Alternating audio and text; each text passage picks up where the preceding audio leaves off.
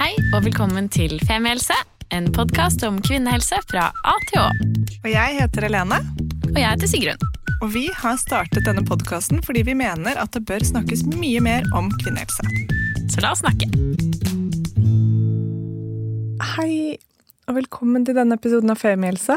Mm, den er litt annerledes fordi eh, nå er det bare jeg, Helene, av de to vanlige programlederne, Sigrun og Helene, som er her i dag. Um, Sigrun har rett og slett sykt barn. Men um, vi bestemte oss allikevel for å gjennomføre denne innspillingen fordi jeg er så heldig å ha med meg min beste venninne Jannicke. Og Jannicke har faktisk vært på besøk i podkasten før. Så velkommen tilbake, Jannicke. Tusen takk. Hyggelig Ja. å være tilbake. Det er så fint å ha deg her. Og du var med i en episode sammen med Tina Tellum om endometriose. Ja, Mm. for nesten fire år siden, faktisk. Det er ganske sprøtt. Ja. Så den ligger jo selvfølgelig fortsatt i biblioteket vårt. Du finner den på femihelse.com slash episoder. Episodeoversikt heter det vel. Men du finner den også mm, overalt. Bare søk på den. Men da var du med, og det som er litt interessant med den innspillingen Det skjedde to ting i den innspillingen. Mm. eh, så fikk du for første gang høre fra en ekspert at ja, kanskje du har endometriose. ja. Jeg, fikk, jeg fikk høre at ja, det høres absolutt ut som du har endometriose. Ja, For første gang i ditt liv. Ja. Etter 20 år eller noe. Ja. Mm. Og da eh, trenger man egentlig eh, i retrospekt ikke å være ekspert for å se at det har du alltid hatt. Som jeg fortalte i den podkastepisoden, så husker jeg deg da vi gikk på Øraker ungdomsskole, og du lå i gymmen i garderoben og var helt sånn likblek og svettet med to sånne Jeg husker du lå sånn og klemte på livmorområdet Mm. og var helt sånn så dårlig. Ja. Og det var nesten sånn, jeg husker at det var nesten vanskelig å tro, for ingen av oss andre hadde det da. At vi var helt sånn Shit, går det an å Og du vet sånn, i den perioden så var man sånn Hun bare ville ikke ha gym. Det var litt faking og overdrivelser, kanskje. Nei, ja, nei, det var eh, det var liksom den eneste formen for liksom, menstruasjonssmerter jeg kjente til. Da, og så ble jeg jo stadig fortalt at det var helt normalt. Mm. Som er litt sånn mindfuck, på en måte. Fordi man skjønner jo ikke hvorfor man tåler det så mye dårligere enn alle andre. Ikke sant? Så mm, det Ja. Ja, og vi har, jo, altså, vi har jo hatt mange hytteturer og vært mye sammen også når du har hatt mensen, og da er det alltid sånn å se deg komme opp trappa eh, på en hytte hvor vi ofte har vært, og du er helt sånn, helt sånn blå i ansiktet og nesten ikke sovet noe, for du har hatt så vondt. Mm. Og så helt sånn hjerteskjærende. Mm. Men i hvert fall for fire år siden så var det en annen ting vi, vi brukte uh, denne podkasten til. Og det var jo da å fortelle at du var gravid. Ja, Ja. så det er jo liksom det det dreide om sist, var vel det at denne hypotesen etter hvert som formet seg om at jeg sannsynligvis hadde hatt endometriose hele livet, holdt jeg på å si, eller hele mitt eh, voksne liv. Og at uh, jeg hadde vært bekymret for om det skulle bli problematisk når jeg skulle prøve å bli gravid. Mm. Og så hadde det heldigvis gått greit, da. Mm. Så det var jo en positiv undertone i den podkasten, heldigvis. Ja, så det var litt sånn Vi ville ha deg med da, både som en sånn eh, hva skal jeg si, nesten sånn Tina, tror du hun har det? Fordi du er, du er et, dessverre et veldig typisk eksempel med noen som alltid har hatt sinnssyke mensensmerter, men aldri fått noe form for validering hos noe lege eller helsesykepleier på skolen. Det var ingen som noen gang hadde liksom sagt jo, jeg lurer på om du har dette. Mm. Faktisk ingen, nei, som noensinne hadde tatt opp som en hypotese. Mm. Så, Og det, det er jo faktisk eh, Heldigvis nå i eh, 2023-2022 så er jo det i hvert fall et sånt Bildet ser forhåpentligvis litt annerledes ut for de som vokser opp i dag. Ja. Med at på stien en eller annen gang så er det noen som i hvert fall kommer til å si 'jeg lurer på om du har dette'. Ja, altså Det har jo skjedd så mye, føler jeg, siden sist gang bare vi ja, var og spilte inn den episoden for fire år siden. Så har jo bevisstheten rundt endometriose økt helt enormt. Mm. Eh, Jeg husker moren min etter, etter den episoden og i årene senere var sånn Å, herregud, jeg har så dårlig samvittighet, liksom. At ikke jeg skjønte dette, at jeg ikke fulgte opp bedre og sånn. Og jeg bare, men herregud, hvordan skulle du vite det? Jeg visste jo ikke hva endometriose var. Ingen av oss visste hva det var. Altså, det var jo bare noen år før jeg kom inn i den uh, episoden vi spilte inn da. Jeg tror jeg hadde hørt om den en gang. Så det, er, det har jo skjedd masse. Heldigvis. Ja, for jeg husker også i den episoden så måtte jeg liksom endometriose, adenomyose Altså vi måtte skrive det ned, for det var sånn så fremmedord. Var helt sånn Nå, ja, fire år senere, så er heldigvis mensen på alles lepper. Som Sigrun og jeg har hatt som mål hele Ja. veien. Ja. Og Endometrioseforeningen gjør en fantastisk jobb. Og vi har eh, Tina Tellum, som er en av verdens fremste forskere på dette. Vi har Guri Majak, som gjør en utrolig jobb. Vi har mange eh, sterke stemmer som snakker om endometriosen sin Mm. og som er så viktig, og som deler alt fra, fra smertebilde til operasjoner til hvordan det er å leve med det. Og grunnen til at det er viktig, er nettopp for på en måte kvinner som deg, som på en måte bare trenger å vite at ok, jeg er ikke gæren. Jeg, Mm. det er ikke jeg som håndterer mensensmerter dårlig. Mm. Og, og det har også vært litt sånn oppvekker, faktisk. Fordi etter, eh, ja, etter at vi spilte inn denne episoden, og jeg også har lest meg opp og sett eh, Man har hørt så mange flere historier, sånn som du sier, fra folk som har levd med endometriose, så fikk jeg nesten litt dårlig samvittighet. Fordi jeg følte liksom at jeg slapp litt billig unna. Fordi ja, jeg har, det har vært eh, tungt med de jeg har hatt, men jeg har også sett hvordan noen andre på en måte eh, er preget av det i en helt helt ekstrem grad, da, i mye større grad enn jeg har vært i livet mitt. Jeg har hatt liksom noen dårlige døgn i måneden, men ellers har jeg fungert ganske bra. Så det har vært også en sånn en vekker, syns jeg. Og også da ser jeg alle de som sliter med å bli gravid og sånn, bare hvor alvorlig den sykdommen virkelig er, og, og hvor mye den stjeler fra livene til folk, da. Mm. Og det, ja. Det er en eh, Det er nettopp det, for det er sånn ja, men nå er det så mange som snakker om det, og det er så mye. Så det, det hjelper at vi snakker om det, men det som må til, er at vi får ordentlig behandling på plass. Ja. Eh, og for å få det, så må det forskes enda mer på. Og så heldigvis er det sånn gradvis steg for steg framover Mm. på alle arenaer, men eh, det skulle gått 100 ganger fortere. Ja. Men eh, det som skjedde sist gang, var jo at eh, du ble jo heldigvis plutselig spontant gravid. Ja. Og det var sånn Oi, yes! Det Ja.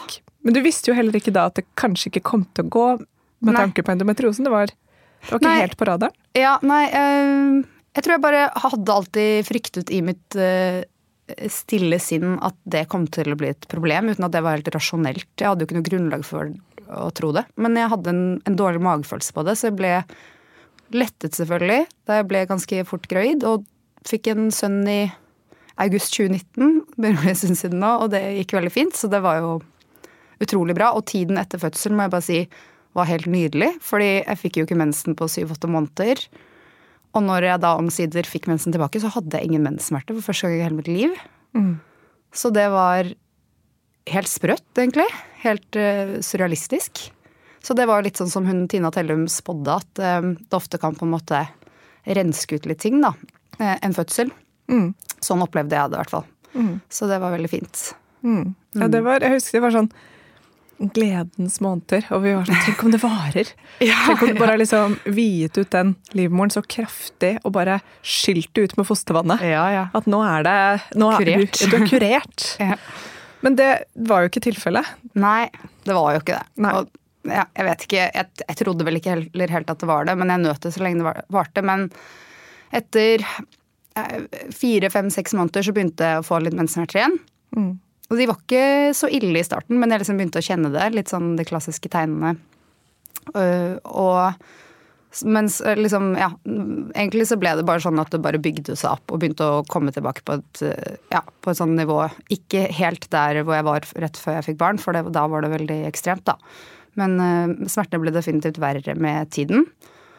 Og så eh, begynte jeg også etter hvert å få litt eggløsningssmerter. Og det hadde jeg egentlig aldri hatt før, så jeg kunne kjenne veldig godt når jeg hadde eggløsning, for da var det også litt murringer. Det var ikke, det var ikke i nærheten av like ille som jeg hadde mensen, men kjente det, da. Mm. Så det var en utvikling der. Og det hadde jo også Tina Ja, eh, hun- spådd, på en måte. Hun spådde det, jeg vet Ja. det. Så det er ganske interessant at man vet ganske mye om Altså, det blir ikke bedre.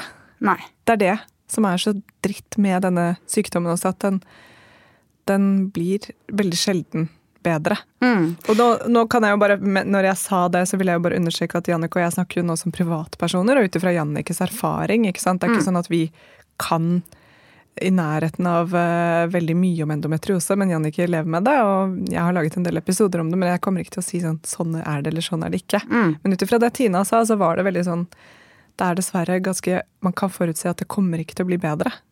Ja, og jeg, fikk jo et veldig sånn konkret råd av henne eh, om at um, etter at jeg hadde født, så burde jeg sette inn en hormonspiral. Det var jo liksom eh, hennes klare bud, og det var jeg veldig innstilt på. Men det gjorde jeg jo ikke. Og det er jo ja, Folk som har født, kan sikkert relatere til det. Jeg hadde sting og noe greier, og jeg bare orket ikke tanken på å gå til legen og sette inn en hormonspiral. Jeg ville liksom egentlig bare ha kroppen min litt i fred, så jeg utsatte jo det. Mm. Uh, og kjente jo ikke noe på det i starten, i og med at jeg, det tok lang tid for meg å få tilbake mensen, og jeg hadde ikke menssmerter. så da tenkte jeg ikke noe mer over det. Og når jeg begynte etter hvert da å få tilbake menssmertene og tenkte å shit, jeg burde satt inn den hormonspiralen, som var det tipset jeg fikk, um, da var jeg vel der at jeg tenkte sånn Men det er kanskje ikke så lenge til vi vil ha et barn til, liksom. Skal jeg gjøre det nå? Så da droppet jeg det. Så, mm. Den evige, fantastiske eh, prevensjonstankegangen man kan få lov til å være i som kvinne. Ja. Nå eller senere, hva eller da, sånn eller sånn, det eller det, orker jeg det? Altså det er Herregud, så mye tid man kan bruke på det. Ja. Og tankevirksomhet jeg kan ta. Ja. Men ok, så da på et eller annet tidspunkt så begynte dere å tenke at kanskje vi nærmer oss at vi har lyst på en til? Ja. Så da sønnen vår hadde kommet seg litt eller han var vel litt over halvannet år. Eh, det tok litt tid skjønner du, før vi begynte å, å, å tenke tanken på en, en, til. Men ja, våren eh, i fjor, da, 2022, nei 2021, eh, så begynte vi å tenke sånn nå, nå tror vi at vi er klare for en til. Og tenkte at vi skulle begynne å prøve. Og det gjorde vi. Og da var jeg også selvfølgelig litt spent, men det hadde jo som sagt gått på noen måneder sist, så jeg antok liksom at vi måtte gi det litt tid med at det kom til å gå greit. Men det skjedde ikke noe særlig. Så etter at vi hadde prøvd i et halvt års tid, så gikk vi til en sånn privatklinikk bare for å få en liten utredning eller få litt tips. For det er vel det som de råder til når, er, når man er på vår alder. Så skal man, etter man har prøvd et halvt års tid, så skal man egentlig begynne å Ja, for vi er jo 37 nå. Ja. Mm, så vanligvis er det sånn prøv et år, ja. og så begynne å sjekke det ut. For i gjennomsnitt så tar det ca. et år ja. å bli gravid. Som veldig få vet, Veldig mange tenker at ok, første gang jeg ligger ja. og ubeskyttet eh, sex med, med, alt som skal skje der, så kommer jeg til å bli gravid. Men, og noen blir det, selvfølgelig, men mm. derfor så er det gjennomsnittlig, så kan det ta opptil et år. da. Absolutt. Før man begynner å liksom Ok, nå må du gå og sjekke det, men så tror jeg det er over ja, det kan 35, man jo sikkert bestemme. liksom 35-36, så burde ja. man kanskje ikke vente. Eller, så, så, er det helt greit å gå etter et halvt år, har i hvert fall også min gynekolog sagt til meg. Ja, og jeg er en ganske utålmodig person som liker å ha informasjon, så jeg er også litt sånn Nei, vi må bare Vi må bare sjekke at alt er greit, liksom. Være litt føre var. Bare ha litt koll på det. Sånn tror jeg både partneren min eh, og jeg er. Sånn at det var liksom veldig greit. Så da gikk vi til en liksom privat klinikk.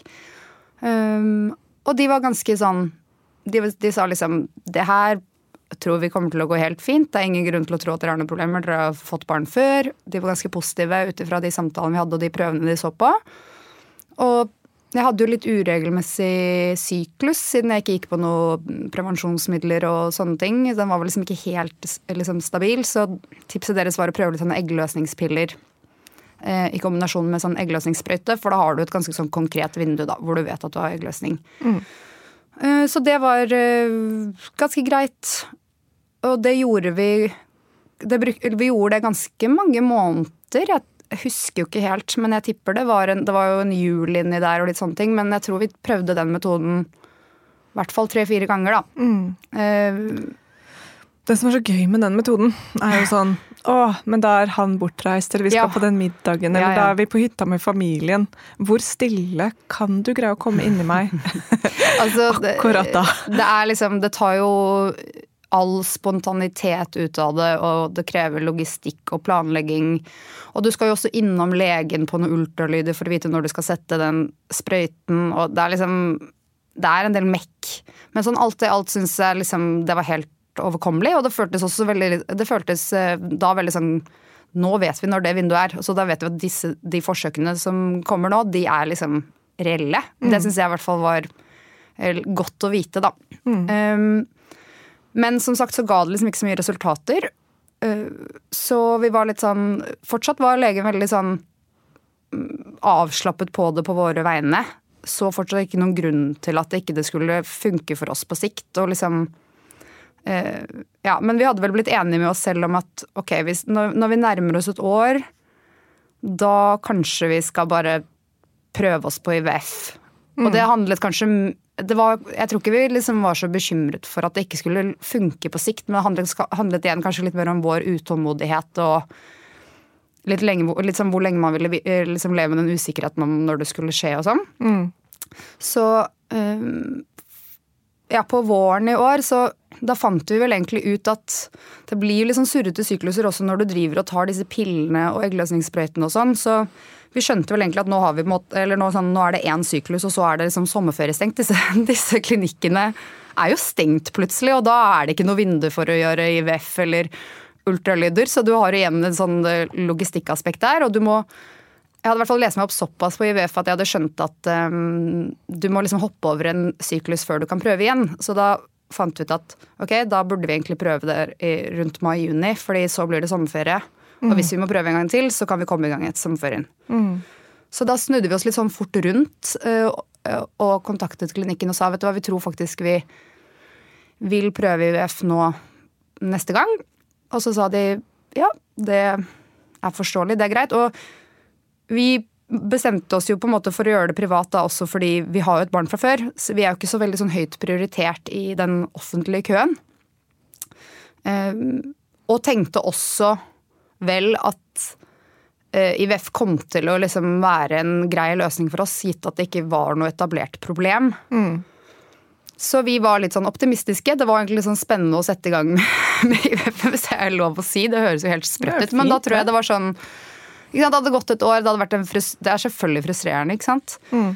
Uh, man hadde trodd det hadde liksom funka innen da. Man er lei av forhåpningene og lei av å test, ta graviditetstester, all, hele pakka. Det begynner liksom å miste sjarmen, vil jeg mm. vel si. Mm. Så um, satte i gang med sprøyten og hele det regimet. Og det gikk ganske fort. og det har jeg tenkt litt på ettertid, at vi, vi, rakk kanskje ikke å ha alle de samtalene med klinikken og sånn i forkant før vi satte i gang, som vi kanskje vanligvis ville fått fordi vi var litt eh, raske på avtrekkeren. Men øh, ja, så da det har dere vel laget masse episoder om? Det, de sprøyteregimene og mm. alt det innebærer? Ja, jeg har jo også vært med på den første delen ja. selv, da ja. jeg tok ut eggene. Mm. Mm, og frøs det. Så jeg husker du var, du var, ganske sånn Ja, da går vi i gang med det. Og veldig sånn tjukkeru.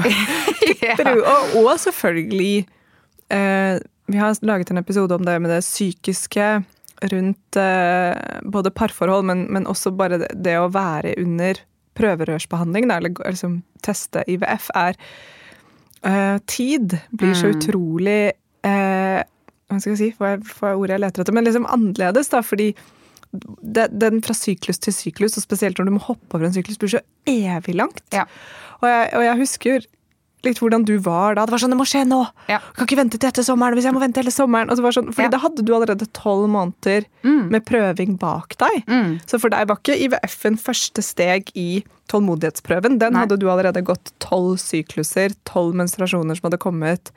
Og som er mye, da. Ja. Det er heftig, og det er Jeg tror Altså sånn det å sette seg inn i hvis man, altså sånn, det å virkelig prøve å ønske å bli gravid, så ønsker man jo at det skal skje med en gang. Man skulle ja, det, liksom ja, ja. vært gravid når man begynner å prøve.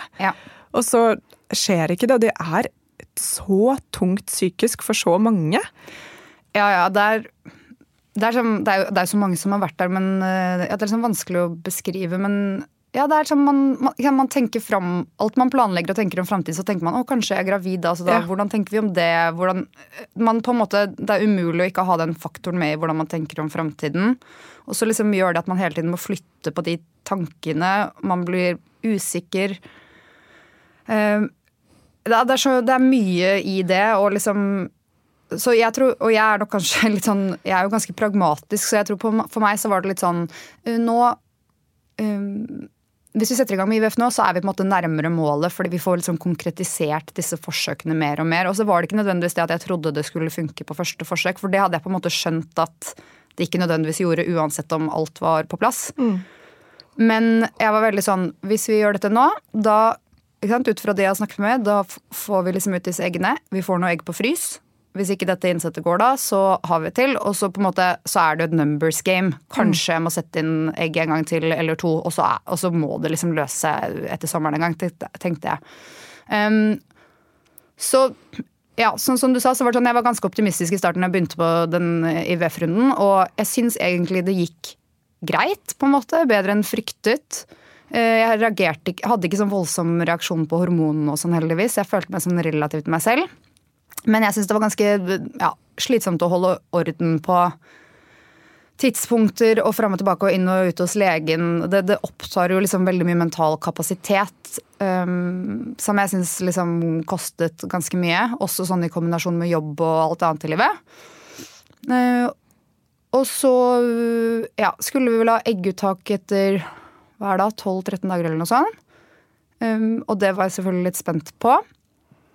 Og da eh, Da hadde jeg vel tenkt Jeg hadde ikke forventninger at jeg skulle få ut sånn 18 egg sånn som du fikk. For det hadde jeg skjønt var veldig mye. Men jeg hadde på en måte tenkt at jeg får ut en grei porsjon. Men så fikk jeg ut fem, som er innenfor liksom normalen. Og de er veldig raske til å presisere at um, det er kvaliteten som er viktigst, og ikke kvantiteten og sånn. Men jeg var likevel litt sånn Fem, liksom? Er ikke det Jeg skulle gjerne hatt litt fler. Men greit. Um, og av de så var da ett umodent. Og da utgår jo det. Men det er jo en, det, er sånn som skjer. Men de fire resterende ble befruktet, så det var jo fint. Så hadde vi liksom fire egg i skålen. Og da er det jo litt sånn at du venter på disse telefonene fra klinikken med oppdateringer om hvordan det utvikler seg, om noen har sluttet å utvikle seg og sånne ting. Så da etter noen dager tror jeg vi hadde liksom tre, hvorav ett liksom utviklet seg bedre. Og så var det jo det, det som da ble satt inn, men den dagen vi da kom til innsett, så skjønte jeg at å, de to andre er liksom ikke bra nok, så de bare ryker. Så det er bare dette ene vi setter inn. Så det er ingenting på frys. Og det var egentlig den største skuffelsen min da, at jeg ikke fikk noe på frys. Jeg klarte nesten ikke å være glad over å få satt inn det egget, fordi jeg bare, i hodet mitt så var det sånn Statistisk sett så funker jo ikke dette forsøket, det første forsøket, og nå må jeg gjøre denne liksom sprøyte liksom, ja, hele denne prosessen på nytt også.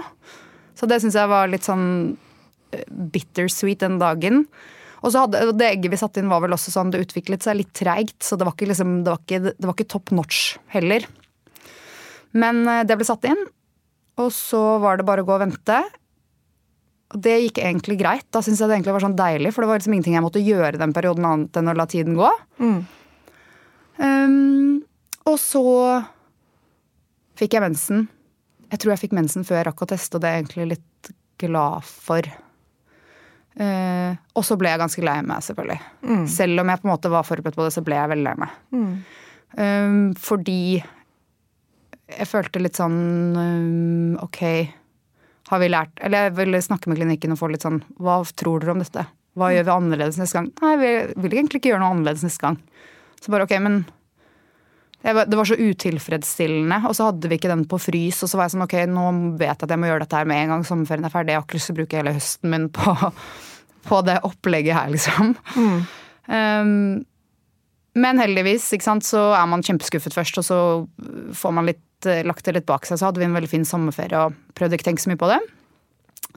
Um, og så og, ja, og før vi dro på sommerferie, så jeg vel, ringte jeg vel klinikken og sa dere må liksom få oss inn i den offentlige køen på IVF også, for jeg skjønte liksom da at okay, det er ikke sikkert det her går sånn så fort som vi hadde håpet, så vi kan jo også stå i kø til det offentlige i tilfelle vi ender opp med å måtte ta veldig mange runder her. Så da tror jeg vel, vel jeg fikk et brev om at vi skulle få komme inn til en sånn eh, innledende samtale rundt årsskiftet. da. Så det var et halvt års ventetid i hvert fall for å for, å- ikke, ikke engang for å komme i gang, men bare for å komme inn til konsultasjon. Eh, og så hadde jeg jo snakket med samboeren min hele tiden om at liksom, hvis vi kommer der at det blir flere uh, IVF-forsøk, så hva tror vi om denne endometriosen? Fordi nå har vi snakket om i, nå så langt i dag om endometriosen som om det er en sikkerhet at jeg har hatt det hele tiden. Men det visste jo vi jo ikke helt sikkert. Det har vært bare en sterk hypotese. Som aldri har blitt bekreftet, for da må du jo operere, ikke sant. Så um, jeg prøvde å snakke litt med klinikken om det, og var litt sånn Hva med endometriose? Hva med endometriosen, liksom? Jeg, jeg har jo det. Og så var de litt sånn ja, det vet vi jo ikke sikkert. Og så sa jeg liksom nei, men det er, det er jo en sterk hypotese, på en måte. Kan det være noe problem? Nei, det tror vi ikke, fordi du ble jo gravid sist.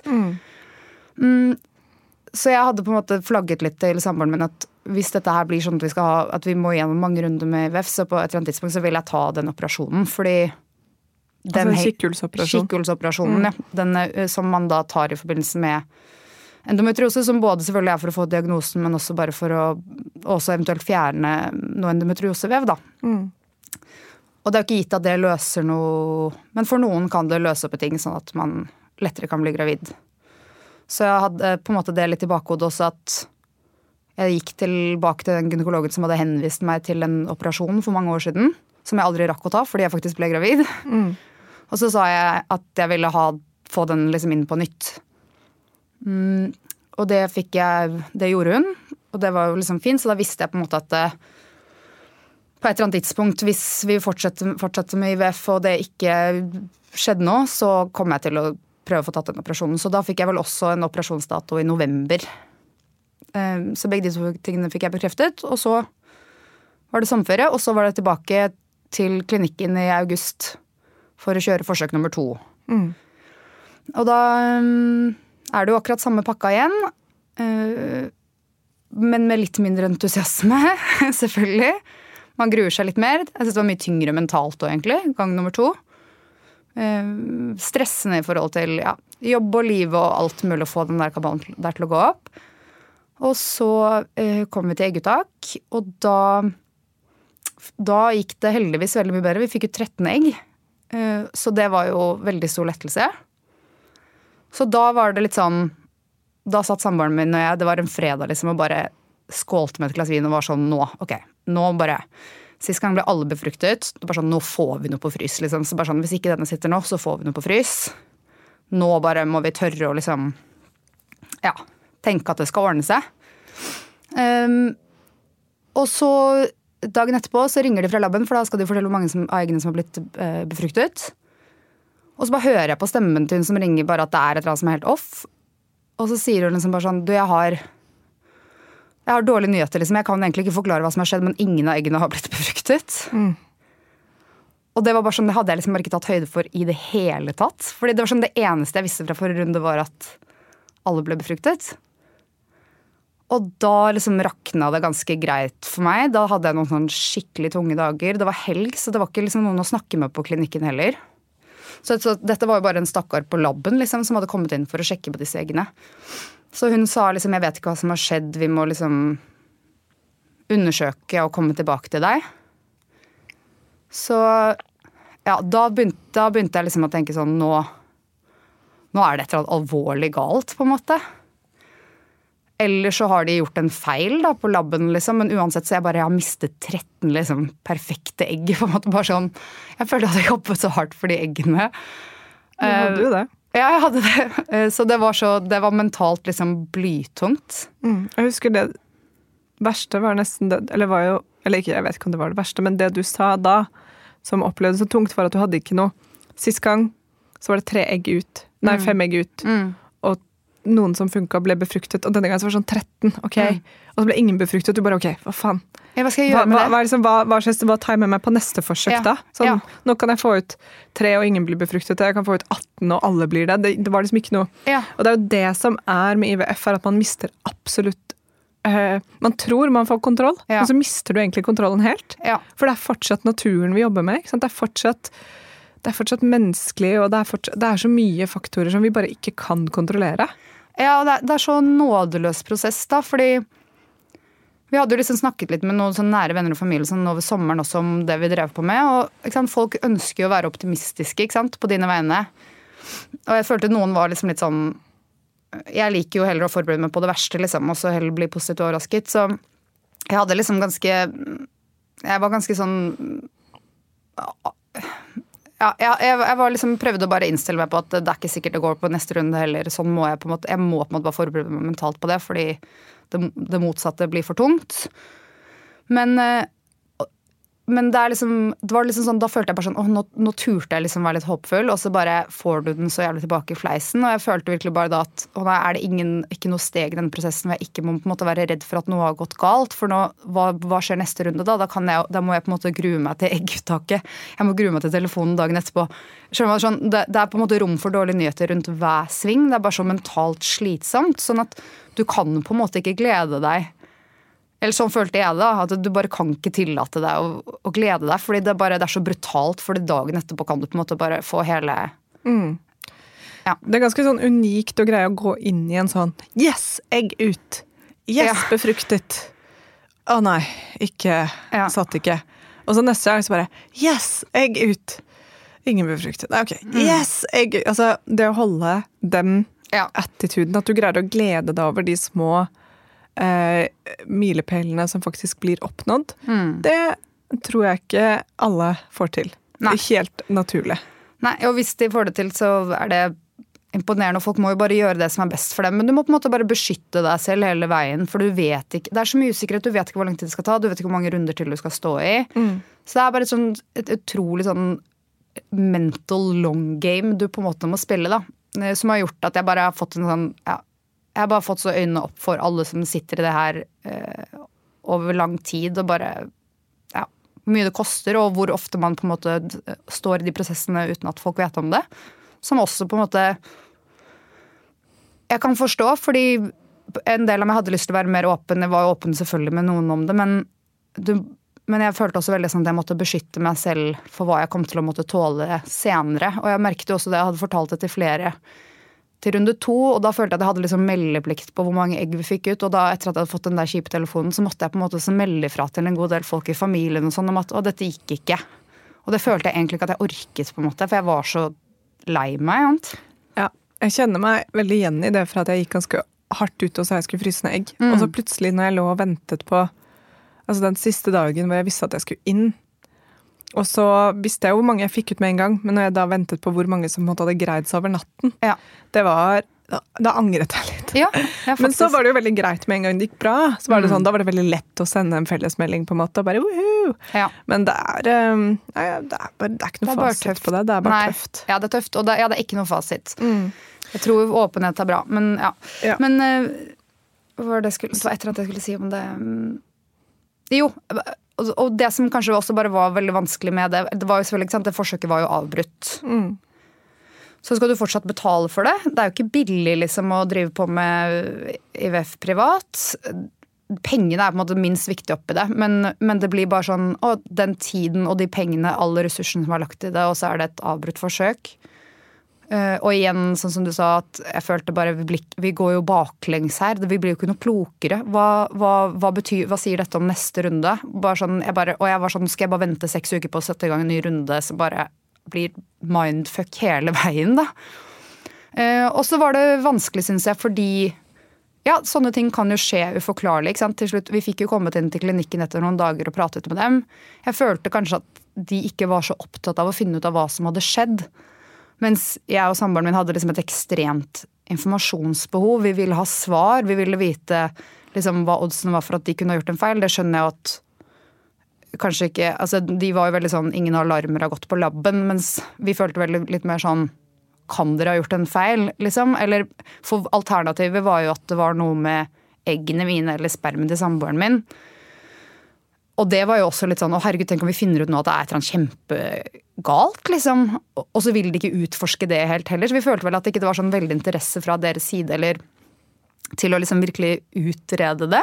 Mens nå i ettertid tenker jeg sånn, de sa jo på en måte sånn Det er uforklarlig, men sånt skjer iblant, og det er bare maksimal uflaks dere har hatt. Det var bare så utilfredsstillende svar på en måte for oss da, ikke sant. Det var bare sånn Det holder ikke for oss, liksom. Men eh, det var jo ikke noe annet å gjøre enn å akseptere det, og jeg kjente også etter hvert bare sånn Jeg har ikke lyst til å stå og stange i den her. Bare, vi må bare la den gå, liksom. Jeg orker ikke. Um, så da ja, da var det litt sånn og, Men jeg kjente også veldig sånn Jeg kan ikke bare sitte i seks uker nå og vente og gjøre ingenting. Jeg blir helt sprø av den prosessen her, liksom. Så da var jeg litt sånn Nå tror jeg jeg må ta denne endometrioseoperasjonen. Selv om den kanskje ikke gjør noen ting for meg, så bare må jeg så bare sånn Jeg må ha gjort noe. Bare som bare driver oss framover her på et eller annet vis. Så jeg eh, snakket med klinikken om det, da, at jeg vurderte å gjøre det. Og de var veldig sånn kan ikke, Vi kan ikke anbefale deg å gjøre det, men vi kan ikke fraråde deg det heller. Og så prøvde jeg å forstå hva de mente med det. Men jeg kan ikke si at du kan gjøre noe forskjell. Det kan det, men vi kan ikke si at du gjør det heller. De ville liksom ikke involvere seg helt i den beslutningen, da. Som jeg også syns var frustrerende, selv om jeg forstår at de har sine grunner til det. Men jeg ville liksom bare at noen skulle bare gi meg et knuff i en retning. på en måte. Men jeg gikk til slutt til legen og bare var sånn eh, Eller jeg fikk heldigvis hjelp liksom av legen min til å bare prøve å se om jeg kunne få pushet fram den operasjonsdataen. Jeg tenkte bare sånn, jeg gjør det her. Jeg har hørt fra noen at det har funket for dem, liksom. Jeg bare jeg har ikke noe å tape på dette tidspunktet, liksom. Om ikke annet får jeg svar på om jeg har endometriose. Og heldigvis så hadde jeg fantastisk god hjelp fra da legen min som lå på telefonen og klarte mot alle odds å få framskyndet denne operasjonen min. Altså jeg fikk en ledig plass som hadde åpnet seg, da. Fra sykehuset. Så da skulle operasjonen skjedd i november, men jeg fikk den da i, i september. Som var på en måte perfekt. Jeg hadde liksom da fått bekreftet at Altså, jeg, jeg hører jo selv at jeg høres helt psycho ut på en måte når jeg forteller dette her. Men jeg bare hadde et behov for å prøve å bare kontrollere en helt håpløs situasjon. ikke sant? Så, så jeg hadde på en måte fått bekreftet at jeg rekker å ta denne kikkelseoperasjonen, for, men fortsatt ikke måtte utsette neste IVF-forsøk. For det var jo også litt sånn som du sa. ikke sant? Jeg var veldig sånn jeg kan ikke miste en måned her. Jeg, bare, jeg må bare få løst denne floka her. Jeg bare vil putte alt i det nå, bare for å få løst det. Ehm, så da fikk jeg operasjonsdato i øh, september. Første eller andre uken i september.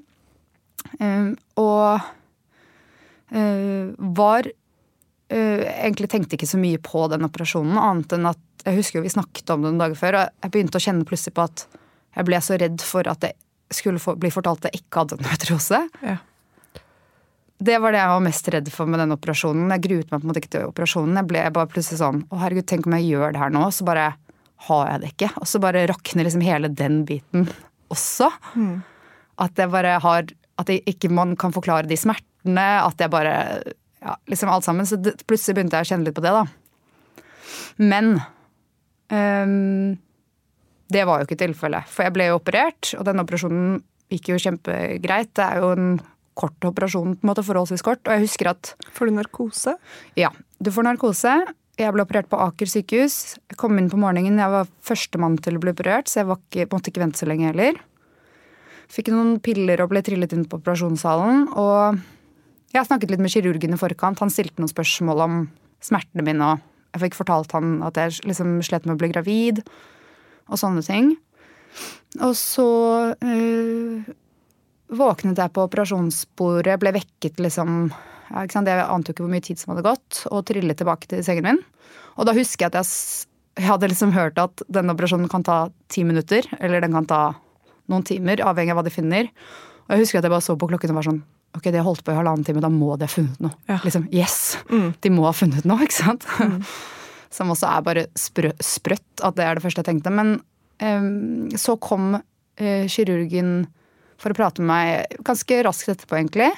em, og sa at eh, de hadde funnet endometriose mye bak og rundt eggstokkene mine. Eller spesielt bak og rundt eggstokkene mine. Jeg er ikke sikker på om de fant så mye, men jeg vet ikke om det har så mye å si. Men det han også sa, var da liksom at eh, ja, det er ikke rart du ikke har blitt gravid, fordi der hvor den endometriosen har sittet, så har du på en måte hatt en konstant inflammasjon i eggstokkene dine, og det vil ha gått utover kvaliteten på eggene dine og, evnen din til å bli gravid og evnen din til å holde på en graviditet. Så jeg liksom bare Å, fy fader. Kødder du, liksom? Er, liksom? Det føltes bare helt surrealistisk å få det svaret.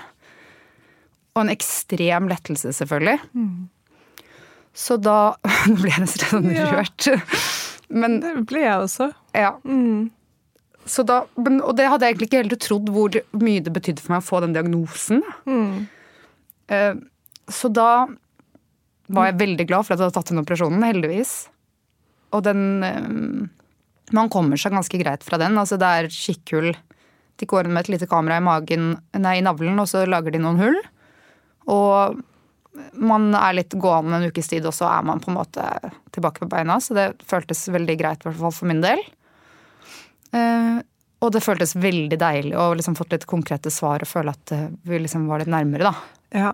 Hvis vi bare kan liksom anerkjenne viktigheten av en diagnose. Ja, virkelig. Og det er det som er, er at veldig mange kan leve med endometriosen og greier og liksom setter inn en hormonspiral og tar smertestillende og kommer seg på jobb og liksom lever vanlig. Men bare det å få beskjed om at vet du hva, du har endometriose og eller adenomyose, det betyr mye mer enn jeg syns liksom Hva skal jeg si?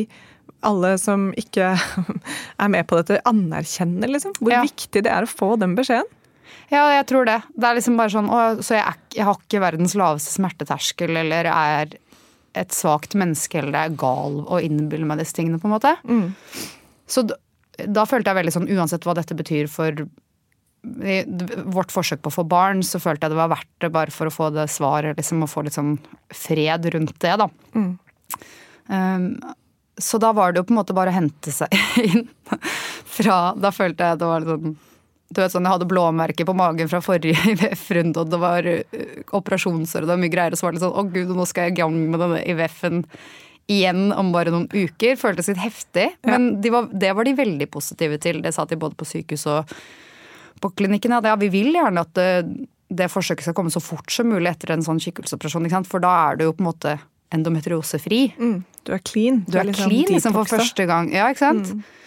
Så uh, det var de liksom positive til. Og um, så jeg var liksom på telefonen med, med klinikken og drev og snakket med dem om når jeg skulle komme i gang, og så sa de liksom Det er veldig vanlig etter den operasjonen at du får eh, At mensen blir utsatt det kan ta noen uker ekstra eller et eller annet sånt, fordi du har messa litt med ting. ikke sant? Så eh, Det er jo umulig å si liksom nøyaktig når du kan sette i gang, men vi venter på at du sier fra så fort du får mensen. Og jeg hadde kjøpt inn medisinene og var på en måte klar og gikk egentlig bare og ventet. Og så eh, Ja, så var jeg sikkert noen dager eller en uke, kort uke eller noe sånt på overtid og bare gikk og ventet. Og ehm, ja, og øh, nå, nå facer jeg ut litt, alt jeg si, men jeg gikk og ventet på bare da få satt i gang den, hormonbehandlingen, hormonbehandlingen men øh, parallelt med det så var jeg også, begynte jeg også å bli veldig sliten og trøtt hele tiden. Og så hadde jeg egentlig lovet meg selv at jeg skal ikke ta mer graviditetstester nå for å drive og øh, fucke med hodet mitt på det. Men i og med at kirurgen hadde sagt til meg etter operasjonen at eh, nå har du et godt vindu på å bli gravid de neste 6-12 månedene, så hadde vi også bare prøvd naturlig etter den operasjonen. Så da tok jeg en graviditetstest, og så var den på meg positiv. så ja. Det var ganske sjokk. At det, da hadde jeg virkelig ikke trodd at det skulle skje seg selv, så det var jo helt vilt å tro at jeg ble gravid bare sånn ti dager eller noe sånt etter den operasjonen. Da. Det, spontant, som man kaller det. Mm. Um, Det er så rørende. ja, ja, fy søren. Tenk Ja. det. Helt vilt. Og hvor langt er du på vei nå? Nå er jeg sånn 13,5 ja, snart 14 uker. Mm. Mm. Hurra! Hurra. Hurra! Kommer alltid her og annonserer graviditeter. Ja, det er en, la oss gjøre det til en rutine. Ja. Og det, det var jo um, For den årvåkne lytter så vil du høre at i eh, episoden vi spilte inn med Guri Mojak om endometriose som ligger ute, den siste altså om endometriose, så stiller jeg spørsmålet er det sånn at dere anbefaler Jeg tror jeg sa noe sånt som at anbefaler dere endometriosepasienter å ta operasjonen først, og så prøve IVF? Ja. Eller, eller er ikke det så hva, hva anbefaler dere? Og det var jo egentlig et spørsmål på vegne av Jannicke, for det satt jeg og tenkte på at hvorfor sa ikke IVF-klinikken til deg å ja, hvis du tror du har endometriose, så burde du jo ta kikkhullsoperasjonen først. Mm. Men da sa jo Guri Majak, og det, nå som ikke helsepersonell, så bare lener vi oss på det svaret, at det må skreddersys litt. Mm. Hva hun legger i det, det skal ikke jeg putte noe i, men, men bare sånn at vi har sagt det at eh, det er ikke alle som får det resultatet du fikk, Nei. og blir spontant gravid av det. Og det er ikke alle med endometriose som trenger denne operasjonen Mm. for å bli gravid ved hjelp av IVF. Eller Nettopp. spontant. Ja. Så det er jo det som er ja, litt sånn abra her, da. ikke sant? At det er unike veier for alle. Mm. Men dette er én rute, og den, hva skal jeg si, den har vi hørt um, Eller jeg har hørt om flere som har prøvd en stund, og så funker det etter at man har gjennomført en operasjon. Ja, og grunnen til at jeg også ble litt sånn satt på tanken, var jo også fordi jeg snakket med en annen som jeg kjenner som har gått gjennom liksom IVF i det offentlige. Og hun har, har nok ikke slitt med menstruasjonssmerter så mye som meg, men hun har jo slitt med det. Og da de plukket opp det, så var de raske til å sende henne på sykehusoperasjon før hun satte i gang med IVF. Og jeg vet ikke om det er sånn standard prosedyre eller noe de gjorde i hennes tilfelle konkret, men hun ble jo gravid etter det, da, etter å ha hatt veldig mange IVF-forsøk i forkant. Men jeg tror det er viktig, sånn som du sier, at det er definitivt ikke noen garantier for at det kan løse alt. Jeg skulle ønske det var det for alle som hadde endometriose, men det vet vi at det ikke er tilfellet. Det som er synd, er jo at jeg gikk jo til legen etterpå når jeg hadde funnet ut at jeg var gravid, og spurte sånn Hvor kan jeg rapportere inn dette nå, liksom? Ikke sant? Dette må jo logges. Men det er jo ikke noe sted det rapporteres inn eller føres noe statistikk på det. Det syns jeg, jeg er så synd, på en måte. Fordi man, man bare går så i blinde, liksom. Det var jo på en måte bare jeg tenkte jo på en måte sånn Det var jo jeg som pusha gjennom å ta den operasjonen, og var, jeg hadde jo ikke noe særlig sånn medhold fra, no, fra noen. Og jeg følte jo litt sånn åh, er det helt ko-ko, liksom, det jeg drev på med nå?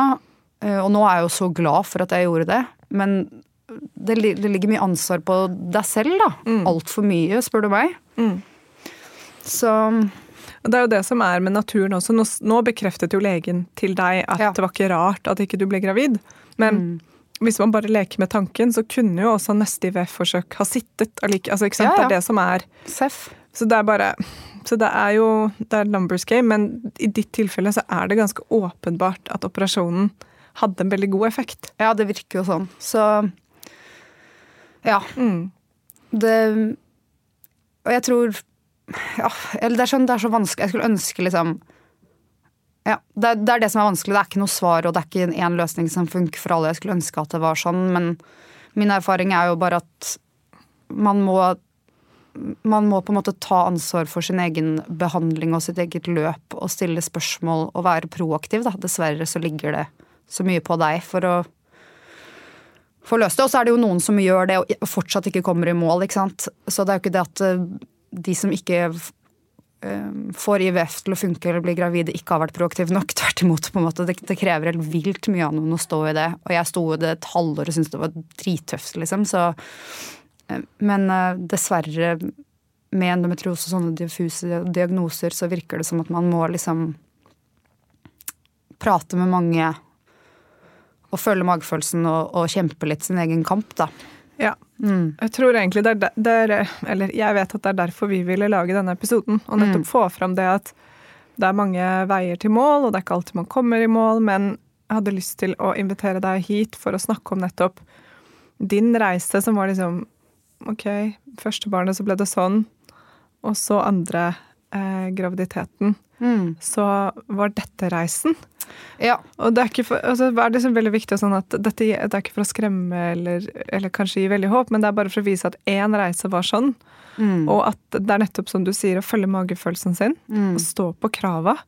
Og, og, hvis man ser at det stemmer ikke, liksom Jeg har lyst til å ta den kikkhuleoperasjonen før jeg gjør dette, eller omvendt. Men det fins masse fagpersoner der ute som kan dette. Ja. Men jeg tror det er viktig å finne noen som kan ordentlig endometriose. Ja, det tror jeg også. Det skulle jeg ønske at jeg hadde funnet i denne prosessen, på en måte. Men ja, også tror jeg også en ting som bare kanskje ikke jeg var forberedt på, er at, eller, og som også på en måte jeg ble fortalt veldig mye, var jo dette at det gikk jo så greit for, for dere sist. Og det er jo på en måte en, det er en slags hvilepute, og den lente jeg meg på ganske mye i den prosessen. Men det er veldig mange som plutselig sliter med å få barn nummer to, liksom. Og det har jeg jo skjønt særlig når, når jeg har stått i det selv, så jeg har snakket med folk, og da, da ser du jo mange som på en måte eh, støter på ganske sånn uventede utfordringer rundt det. Mm. Og også i mitt tilfelle så var det jo da sånn endometriosen øh, jeg ble jo gravid til tross for endometriosen sist, men da kanskje ikke den satt på eggstokkene. ikke sant? Og så har det jo skjedd ting, det har gått flere år i mellomtiden. Og det er jo en, episode, nei, en eh, sykdom som utvikler seg. Uh, så det er også litt sånn at man også kanskje ikke skal lene seg altfor mye på historikken, liksom. Fordi mm. ting kan ha endret seg mellom nummer én og nummer to òg. Det er veldig godt poeng. At mm. det faktisk ber om et sånt et øyeblikksbilde nå. Mm. Hva, hvordan er kroppen min nå? Ikke hvordan var den for tre år siden eller fire år siden, eller kanskje til og med et år siden. Ja. Um, det er et veldig godt poeng å, å stå i det. Uh, og så vet jeg at det er lett her å sitte og oppfordre folk til å liksom be om den hjelpen. Og jeg vet at tilbudet Fordi det er ikke så lett. ikke sant? Tilbudet er så forskjellig over hele landet, og det er lange køer og alt mulig. Mm. men ja, vi vil i hvert fall lage denne episoden for ytterligere å prøve å skape debatt rundt dette og bringe det opp. Og som Jannicke sier, hvorfor loggføres ikke dette? ikke sant? Mm. Så det var sånn, ok, da, da har vi liksom tall på at ja, så og så mange prøver IVF i et halvt år før de får operasjon, så blir det sånn Jeg skjønner at det er ikke sånn statistikk funker, men det er noe med den derre ja. Det hadde vært superinteressant, da. Ja, det syns jeg virkelig. Mm. Og det kan godt hende det er noen prosjekter på det der ute. I så tilfelle, rop ut til oss. Men eh, jeg er helt enig i ditt spørsmål om hvor logger vi dette? ja. Er så relevant, da. Ja. Hvor er det jeg sier fra? ja. Ja. Vilde er det eneste, eneste man kan gjøre, ikke sant? Mm. Ja, Jannicke, tusen takk. Er det noe du føler du vil legge til før vi avslutter og tar helg? Nei, jeg tror ikke det. Jeg, tror, jeg har fått sagt veldig mye hyggelig. Ja. Men eh, ja, takk for at jeg fikk komme tilbake. Og ja, til alle som hører på, som står i noe lignende, så bare sender jeg masse kjærlighet. Ja, jeg også. Og så gleder jeg meg til å følge videre i graviditeten og snart møte kiddo nummer to. Takk. Håper jeg Ja. at han har like mye energi som nummer én. Det håper ikke jeg. Ok, dere. Takk for at dere hørte på. Send oss gjerne en melding om eh, hva dere syns om denne episoden, eller om dere har noen egne historier, eller kanskje noe medisinsk fakta dere vil adde. Vi er åpne for det. Og så ønsker vi deg en fin dag hvor enn du er. Ha det bra! Ha det. Tusen takk for at du hørte på podkasten vår. Selv om det forhåpentligvis kommer tydelig frem, så vil vi understreke at vi ikke er helsepersonell.